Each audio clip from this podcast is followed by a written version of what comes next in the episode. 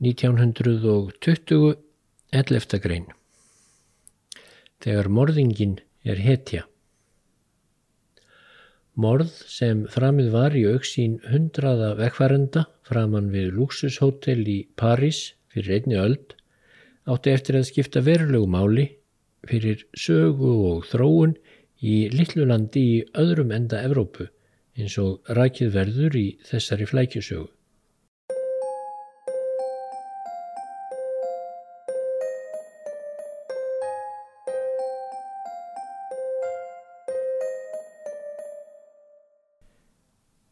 Fyrsti hluti morðið. Ég hef reyndað koma staði hvernig veðrið var en eina vefsíðan sem ég hef fundið með 100 ára gamlum veðurfréttum frá París 1920 virðist vera frosinn þegar svo langt aftur í tíman er komið.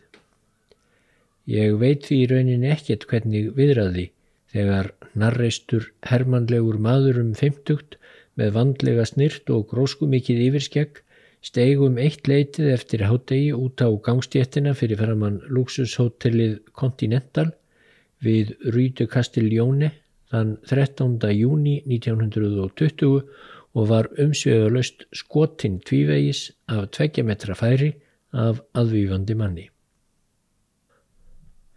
En miðað við veðurfarið í höfuðborg Fraklands á þessum mánadardegi nú undanfarin ár þá má þó reikna með um það byrj 20 steg að hitta og það hafi verið léttskíjað þegar morðið var framið. Segjum því að svo hafi verið líka árið 1920.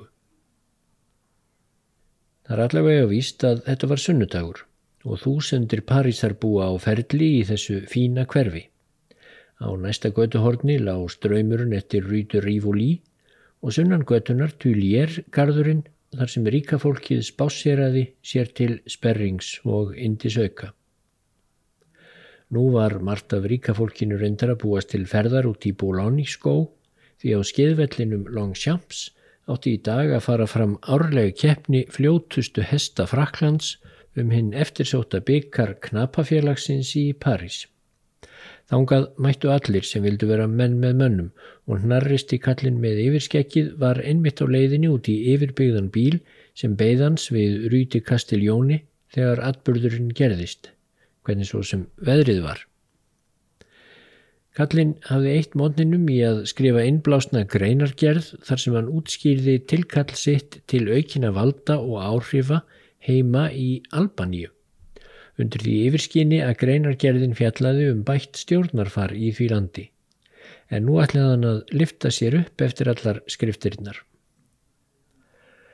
Með honum var konan okkur, sem fransku blöðin sá ekki ástæðu til að nefna á nafn í frásögnum sínum af þessu morgunin ettir, kannski hún hafi einfallega látið þessi hverfa þegar ungi tilræðismadurinn, já hann var ungur, ekki nema 21 árs, mjóslegin og fínlegur, þegar Tilræðismadurinn steg sem satt fram undan einni af hinnum óteljandi súlum framann við Continental hotellið.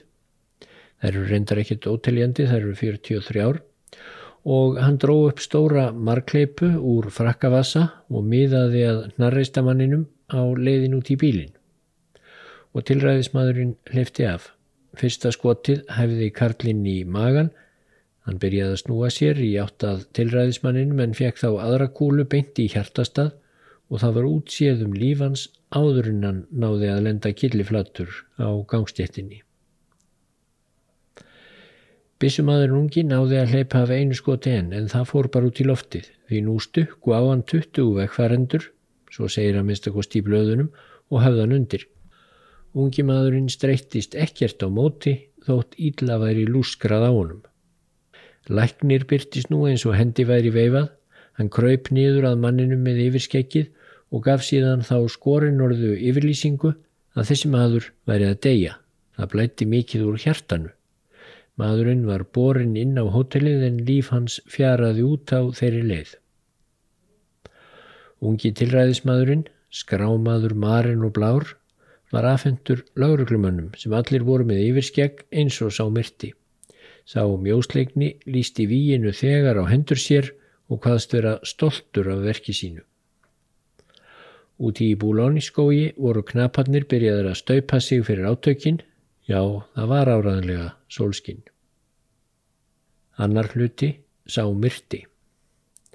Sá Karl sem let lífsitt á stjettinni fyrir framann Hotel Continental fyrir 101 ári hétt Esat Pasha Toptani. Hann var laukur einnar frægustu og auðugustu landeigenda ættar Albaníu. Þetta var fólk sem blómstræði undir stjórn Tyrkja sem hafðu ráðið svæðinu við misjafnan fögnuð íbúa frá því á 15. öld. Esad Pasha gekk í tyrkneska herin og komst til metorða og varð voldur og umsögða mikill landstjóri í borginni Týrana upp úr aldamótunum 1900.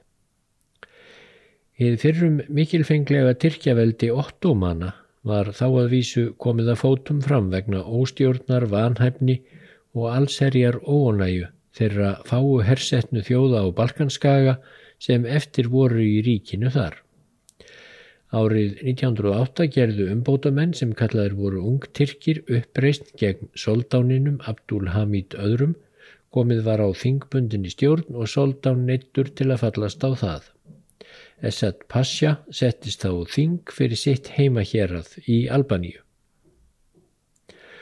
Nokkrum mánuðum setna reyndi Abdul Hamid að hrifsa aftur til sín allræðisvöld en mistókst. Þá gerðu ung Tyrkir út fjöguramanna sendinemd tveggja albanskra muslima, gýðings og armena til soldánsins og tilkynntunum að hann væri settur af. Það er til marg sem um þá virðingu sem Esad Pasha nöyt að hann var aðal maðurinn í þeirri sendinemd. Forfeður Abduls Hamids, soldáns, hafðu verið alráðir og næri góðum líkir í Istanbul í hálft ár þúsund, svo vísast hefur þurft heilmikinn kjark til að standa frammi fyrir soldáni og segja þjóðvín hefur hafnaðir. En þetta verk leisti Esad Pasha þó snöfurlega af hendi.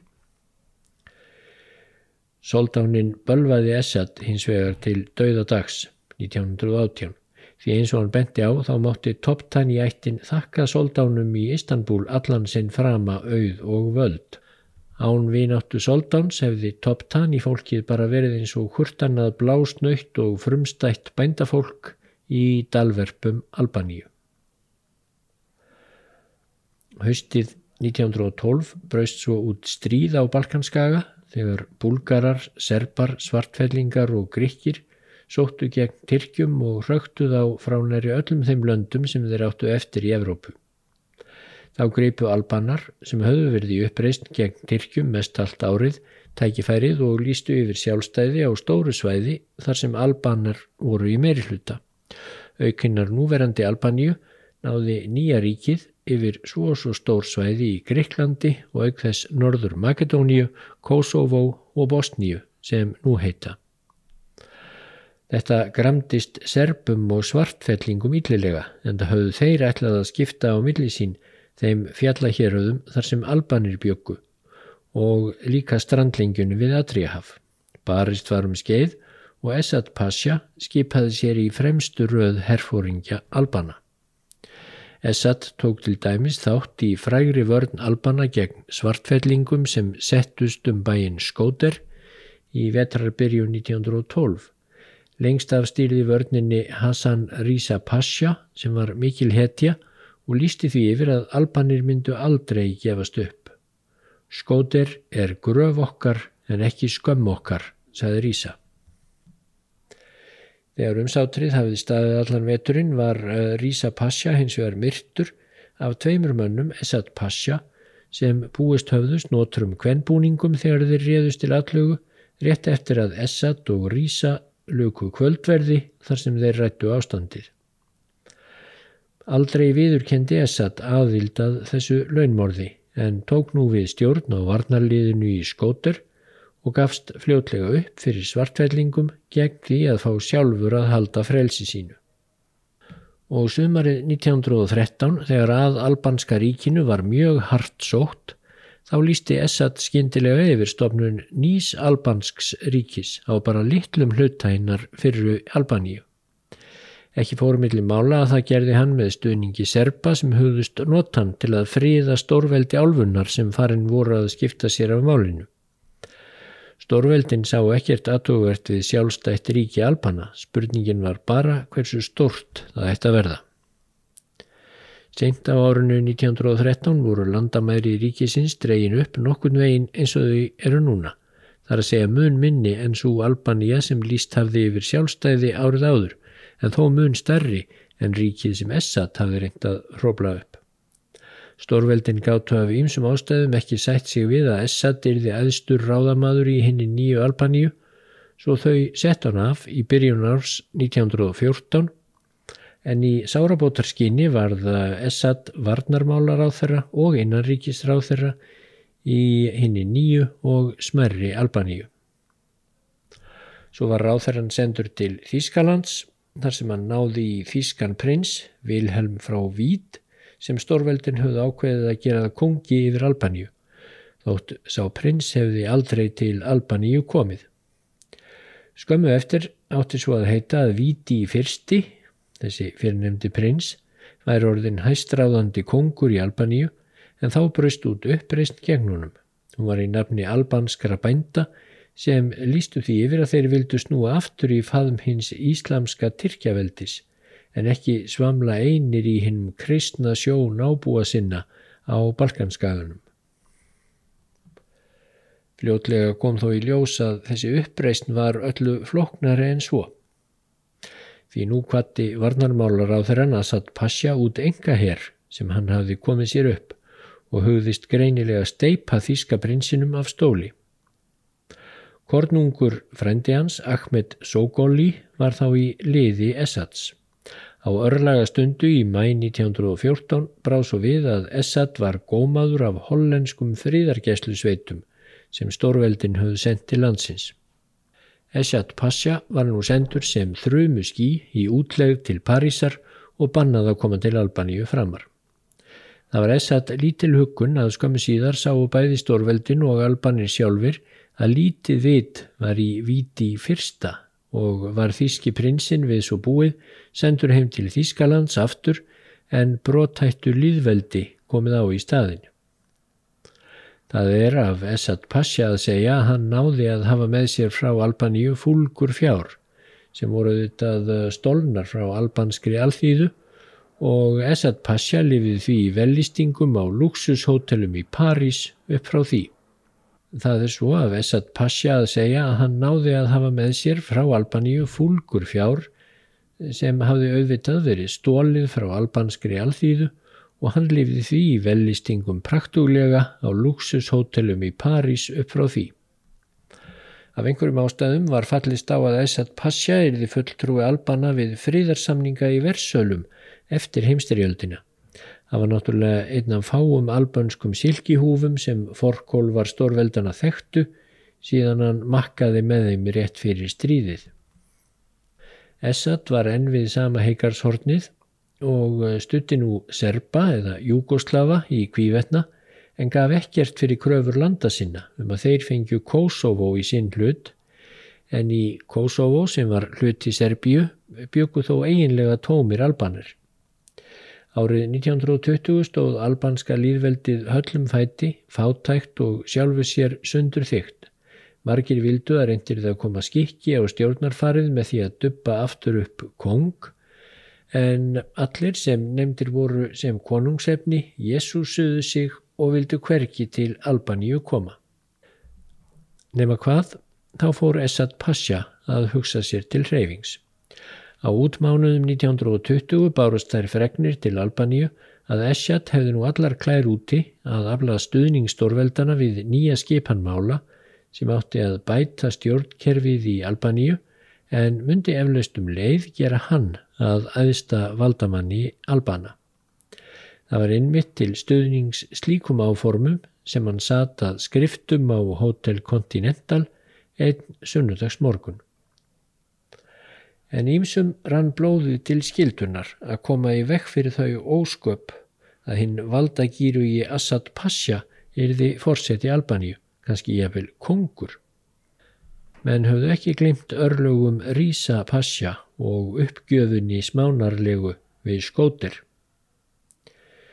Afni Rústemi böðist þá til að bregða sér bæjarleið og því var það að þann 13. júni 1920 var hann stattur í flenni sólskininu, jú var ekki örglega sólskin, utan við Hotel Continental og klukkan var alveg að verða eitt og hann frétti hjá dýravörðunum að bíl væri að renna upp að hótelinu einmitt til að flytja Monsieur Pasha til veðreiðana í Longchamps og Afni Rustemi kom sér fyrir bak við eina súluna og hafði auga með andiri hótelsins. Þriðji hluti, réttarhöldin.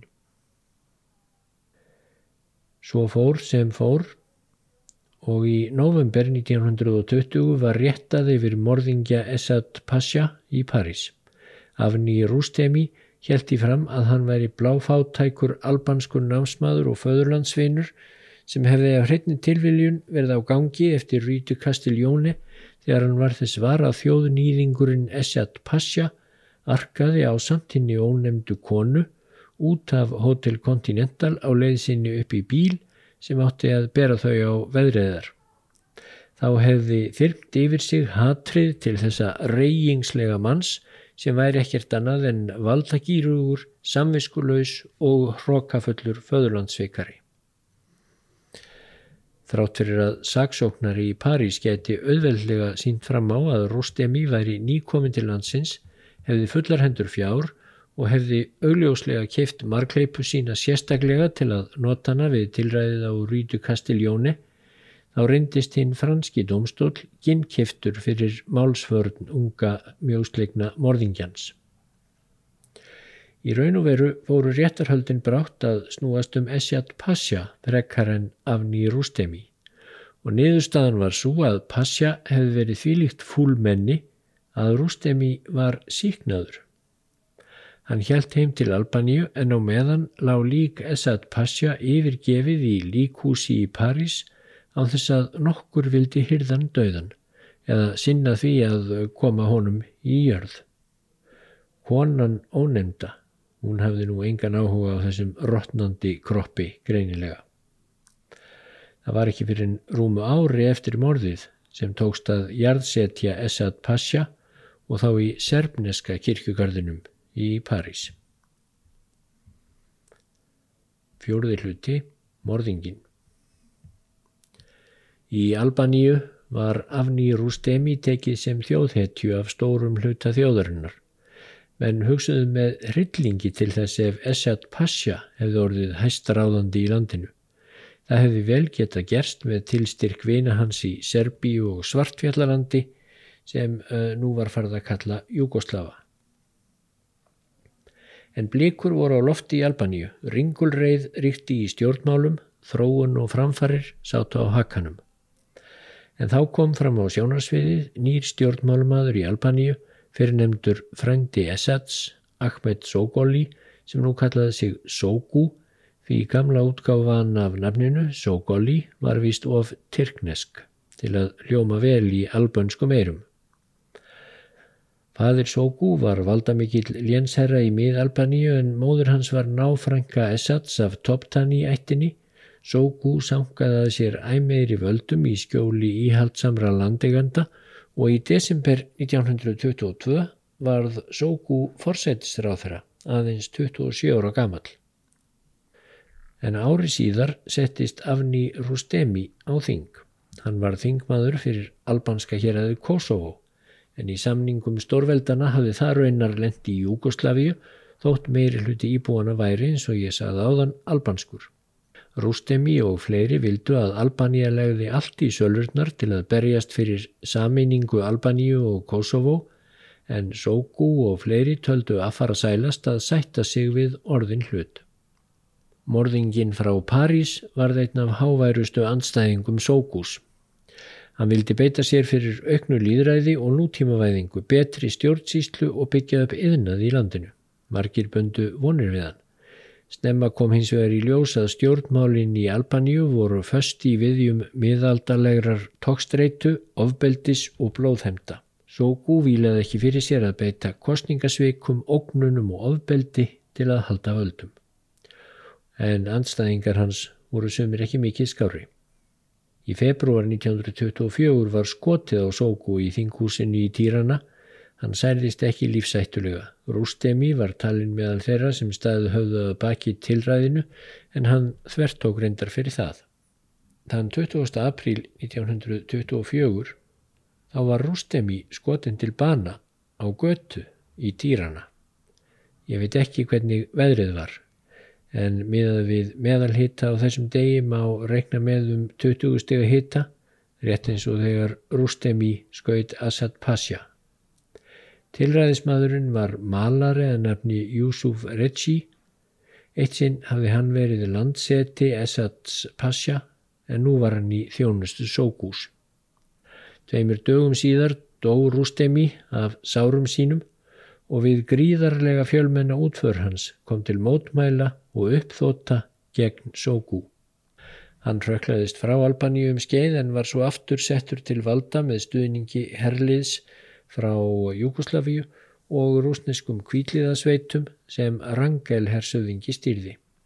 Árið 1925 varð Sóku fórseti landsins eftir að hafa fengið samþykta nýja halffasíska stjórnarskrá og 1928 stegan það óvænt að skref að lýsa sig konung, Sók fyrsta. Það vandaði ekki að Sók kongur veri umdeildur. Sagt var að hann ætti meira en 600 blóðhemdir yfir höfði sér, svo mjög hafði hann gert á hlut manna og hann lifði af 55 banatilræði. Sjálfur bar hann á sér bissu og lendi stundum í skotbardaga við tilræðismenn.